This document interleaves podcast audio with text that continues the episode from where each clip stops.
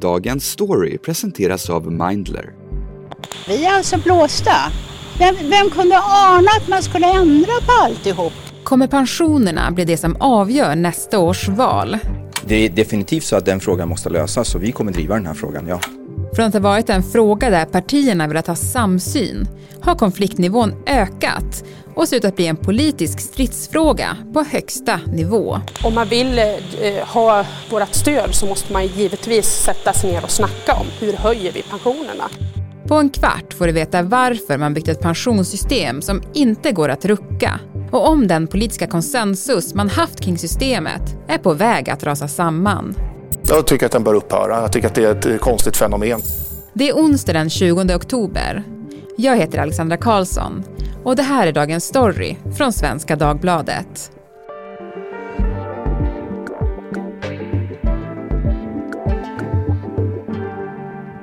Joel Dahlberg, du är reporter på SvD Näringsliv och du har dessutom skrivit en bok om just eh, pensionerna. Är du en pensionsexpert? Ja, eh, jag kan mer än de flesta, vilket i och för sig ofta inte säger så mycket, för de flesta kan väldigt lite om pensioner, de tycker det är jobbigt, de får ångest. Jag får då inte ångest av pensioner, så av det skälet, ja, kan man väl säga, jag är expert. Ja. Mm. Jag får ångest av pensioner. Mhm. Du är inte en expert då? Jag är inte en expert Nej, så jag är väldigt nej. glad att du är här. Jaha. Men då tänkte jag fråga dig Joel, har vi låga pensioner i Sverige? Både och. Eh, man kan säga om du har jobbat 43-45 år, du har en eh, bra lön, du har tjänstepension. Med bra lön menar jag över 40-45 kanske. Eh, du har tjänstepension. Eh, då har du en ganska bra pension när du väl slutar jobba. Men om du har en låg lön, undersköterska, förskollärare kanske, eh, var, jobbat deltid vissa år, eh, går i pension när du är 63 för att du är utsliten, då har du en låg pension. Men varför är det så? Det har med vårt pensionssystem att göra. Förvånansvärt va? Det, ja. men så är det, du, de pengar du betalar in är det du får ut. Och hinner du inte betala in tillräckligt så får, du- så får du låg, låg pension helt enkelt. Men jag tänker då, de som är pensionärer idag, eh, alltså när de fortfarande arbetade, insåg de då hur lite pension de skulle få tror du? Absolut inte, de flesta. Nej, nej, nej. Alltså det, det är väldigt svårt eh, att, nu har ju för sig eh, debatten kring pensioner ökat, fler och fler går in och kollar, men för tio år sedan var den här debatten eh, nästan obefintlig, så att väldigt få hade koll på vad de faktiskt skulle få i pension. Och helt naturligt så räknar ju de flesta med att om jag jobbar i 40 år och tjänar och betalar skatt så får jag en, en hyfsad pension. Men eh, det kan man alltså inte räkna med. Och det, det tror jag har chockat många faktiskt. Att man kan gå i pension vid, vid 64, man har jobbat sedan man var 24. Och man får en, en pension som kanske är hälften av den lön man hade när man, när man slutade jobba. Dagens pensionssystem ser lite förenklat ut så här. Du har den allmänna pensionen. Den kommer från staten men betalas av arbetsgivaren. Den består av inkomstpension och premiepension som båda är inkomstgrundade. De allra flesta, omkring 9 av 10 anställda, har också en tjänstepension från arbetsgivaren. Den varierar dock rätt kraftigt beroende på om du är höginkomsttagare eller låginkomsttagare. Krasst kan man säga, hög lön innebär också en hög tjänstepension. Du, 2012 kom ju din bok med den lite dystopiska titeln Pensionsbluffen, tryggheten som gick upp i rök. Mm. Vad kom du fram till i den? Tryggheten som gick upp i rök, det har att göra med att, att man har en känsla av att om jag har jobbat ett fullt yrkesliv så får jag en bra pension. Det, det är ju den tryggheten som längre inte finns. Det går inte att veta. Eh, Jag, kollade faktiskt idag eh, de senaste siffrorna för allmän pension, alltså orangea kuvertet. Jag tror att snittpensionen före skatt för de som, eh, är, som har pension nu är 13 000 före skatt. Mm. Det är inte mycket pengar. För, och då, många av dem har alltså jobbat ett fullt arbetsliv. Så det är, man, man hamnar lågt helt enkelt. Mm. Det här är ju då nio år sedan du skrev den här Mm. boken. Eh, Har det skett någon förändring sedan dess? Det har inte skett nästan någonting alls med själva pensionssystemet. Det är ju detsamma. Eh, det som har förändrats är ju debatten kring pensionssystemet. Då när jag skrev så försökte, försökte jag få politiker att säga att, att vi har ett problem. Det vill man ju inte säga utan vi hade ju världens bästa pensionssystem som skulle hålla till nästa istid. Eh, nu så börjar man ju faktiskt diskutera om att man måste förändra systemet. Så det där är en förändring. En annan väldigt påtagbar förändring är ju, eller påtaglig förändring är att eh, det går inte längre att gå i pension vid 61 om du vill ha allmän pension. Man tvingar ju upp åldern så att du till exempel som eh, kanske har 30 år kvar till pension, du kanske kan gå i pension eller ta ut allmän pension när du är 70. Mm. Så att, eh, och de som går i pension nu kan göra det vid 61. Så att det är väldiga förändringar på gång. Tanken med vårt pensionssystem är att det ska vara långsiktigt och inte ändras beroende på vem som sitter vid makten. Om det ska göras ändringar beslutas de i pensionsgruppen, en blocköverskridande arbetsgrupp där de partier som står bakom pensionsöverenskommelsen sitter. Idag samtliga partier i riksdagen, förutom Sverigedemokraterna och Vänsterpartiet. De gör överenskommelser i ett låst rum istället för att låta väljarna ta ställning till vilka pensionsreformer man vill se. Samtliga partier i pensionsgruppen måste alltså vara överens, annars blir det ingen förändring. Det här är ju politik och eh, när man satte ihop det här systemet för eh, cirka 30 år sedan eh, då tänkte man ju så här att okej, okay, vi ska göra ett nytt pensionssystem. Vi måste se till att det är långsiktigt därför att det, man säger att pensioner är ett, ett kontrakt mellan generationer. För du betalar ju pension, pensioner till dagens pensionärer och våra barn betalar våra pensioner och våra barnbarn också. Så att man, det måste liksom vara hållbart, det måste hålla i decennier. Så då bestämde man, då gjorde man ett pensionssystem som i princip var omöjligt att förändra. Det var liksom eh, bortom, man skulle inte kunna komma in som en klåfingrig populistisk politiker och göra massa ändringar och säga titta vad snäll jag är som höjer pensionerna. Nej, det vill man sätta stopp för utan då skapade man ett system som var ointagbart ungefär. Mm. Det skulle inte gå in och mecka liksom, utan det, det, är, det är som det är. Mm. Och det var en trygghet för att då slipper man ju liksom, ja, klåfingriga populistiska politiker som ska ändra hela tiden. Och väktarna. Man bestämde att vi, vi måste se till att det finns väktare som vaktar det här pensionssystemet. Så att ingen kan komma in och liksom pilla med det. Och det är pensionsgruppen som, som man säger ska vårda pensionsöverenskommelsen. Det vill säga att ingen jävel kommer in och sabbar det. Okej, men vad kan, vad, vad kan pensionsgruppen göra då när det gäller just till exempel höjning av pensioner? Ja, i, ingenting i princip eftersom systemet är som det är. Det är, det är bestämt hur mycket pengar som ska in. Det är bestämt hur mycket som kommer ut.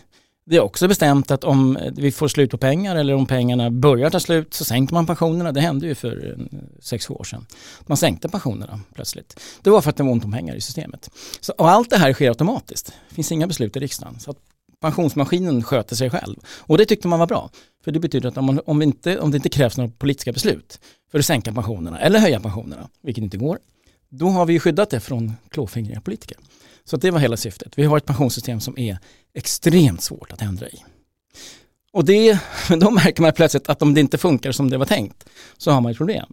Man har ett system som inte funkar som det var tänkt som inte går att ändra i. Mm. Och, där, och där befinner vi oss nu. Mm. Att man tampas med denna maskin som är skitsvår att ändra i men man tycker att man måste för att pensionerna är för låga. Men vad är det som gör att systemet inte funkar idag då? Ja, vi har ju en väldigt tydlig skurk här. Vem är det? Ja, det är delningstalet. Ja, det Det är inte som världens mest karismatiska skurk kan man väl säga då. Men eh, delningstalet är helt enkelt den, om du har tjänat ihop, ja men vi, tar, vi kan ta ett exempel. Du är 65 år eh, och du förväntas, som det var för kanske 20 år sedan, 25 år sedan, du förväntas leva tills du är 75, 10 år. Du har sparat ihop 3 miljoner, ja men det är 300, 300 000 kronor per år. Ja men det funkar, det kan jag leva på. Sen så har, blir ju folk äldre så att medellivslängden ökar.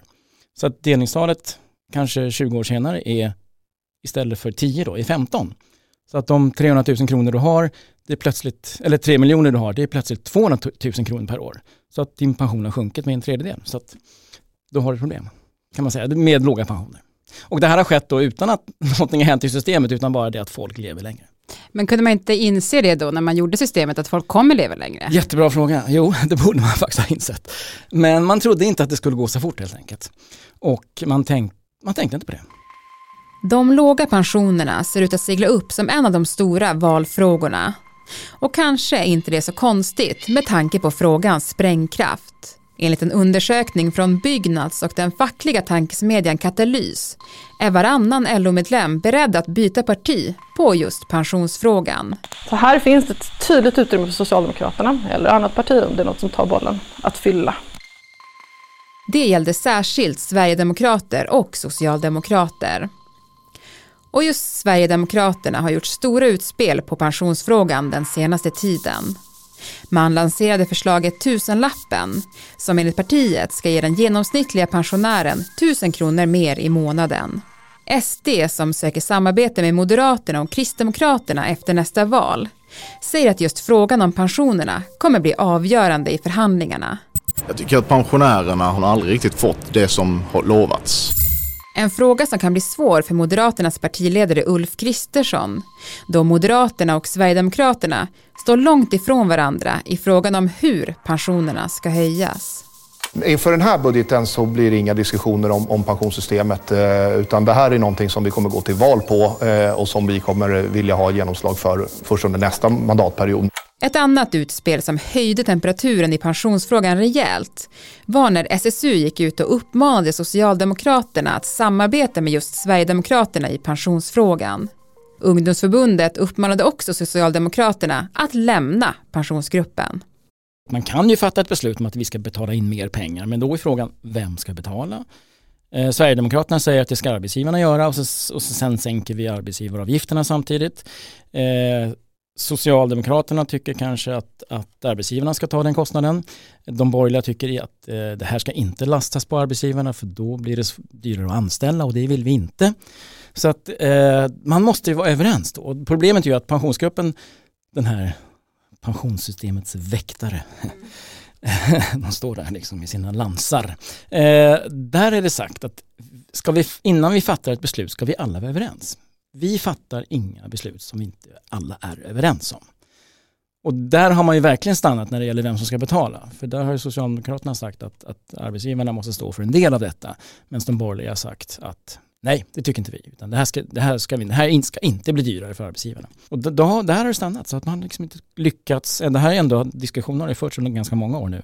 Man har inte lyckats komma vidare med hur man långsiktigt höjer pensionerna. SSU gick ut i en debattartikel och uppmanade Socialdemokraterna att lämna pensionsgruppen och försöka göra upp den här frågan i riksdagen. Ja, det är just av det skälet.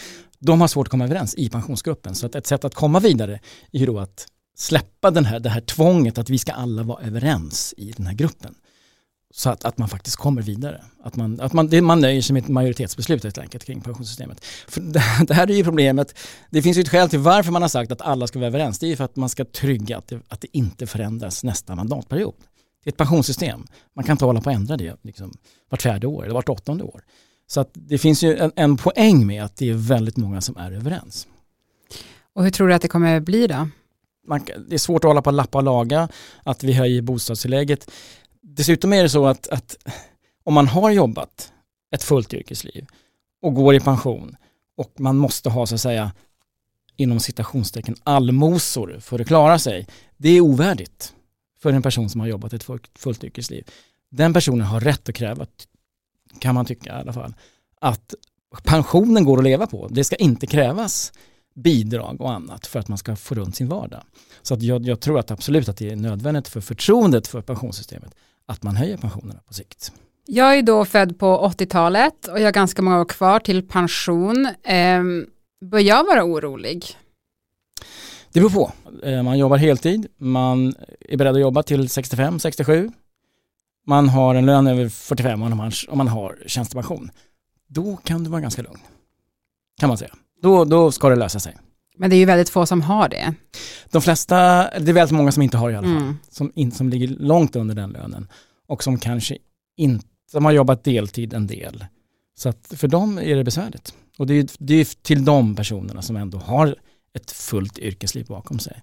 Som man måste försöka vända sig och säga att okej, okay, vi lovar att det blir bättre. Till sist då, det är ju mindre än ett år kvar till valet och pensionerna har ju redan kommit upp igen då eh, på agendan.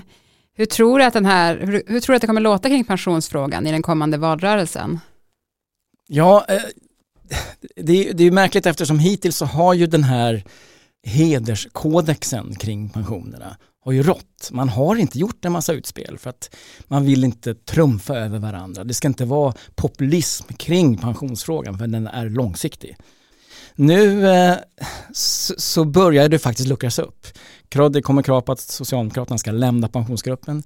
Så att det, det verkar som att pensionerna kanske blir mer av en vanlig politisk fråga. Det vill säga att det är sprickor och man, man kräver inte den här, den här sammanhållningen som man har gjort tidigare. Eh, men samtidigt så, så, är ju frågan så komplex och så långsiktig så att den, håll, den pass, lämpar sig inte för populism eller liksom kortsiktighet. Så att jag tror ju att vi fort, ändå fortfarande kommer se en viss återhållsamhet när det gäller löften. Tack Joel Dahlberg för att du var med i Dagens Story. Tack så mycket. Har du känt att du har svårt att prata om hur du mår eller inte riktigt vet var du ska vända dig? Det kan handla om stress, ångest eller andra psykiska besvär. Mindler kan hjälpa dig. I appen kan du träffa en psykolog via videosamtal och få tillgång till Mindlers självhjälpsprogram där du får övningar som du kan utföra på egen hand eller tillsammans med en psykolog. Med Mindler slipper du långa väntetider och garanteras en tid med en psykolog inom 24 timmar. Ett besök kostar 100 kronor, en liten investering för något väldigt viktigt, din psykiska hälsa. Programmet idag klipptes av Lasse Edfast. Redaktör var Teresa Stenler von Matern. Och jag heter Alexandra Karlsson. Klippen som hördes i dagens program kom från SVT, Sveriges Radio, TV4, Dagens Industri och Katalys.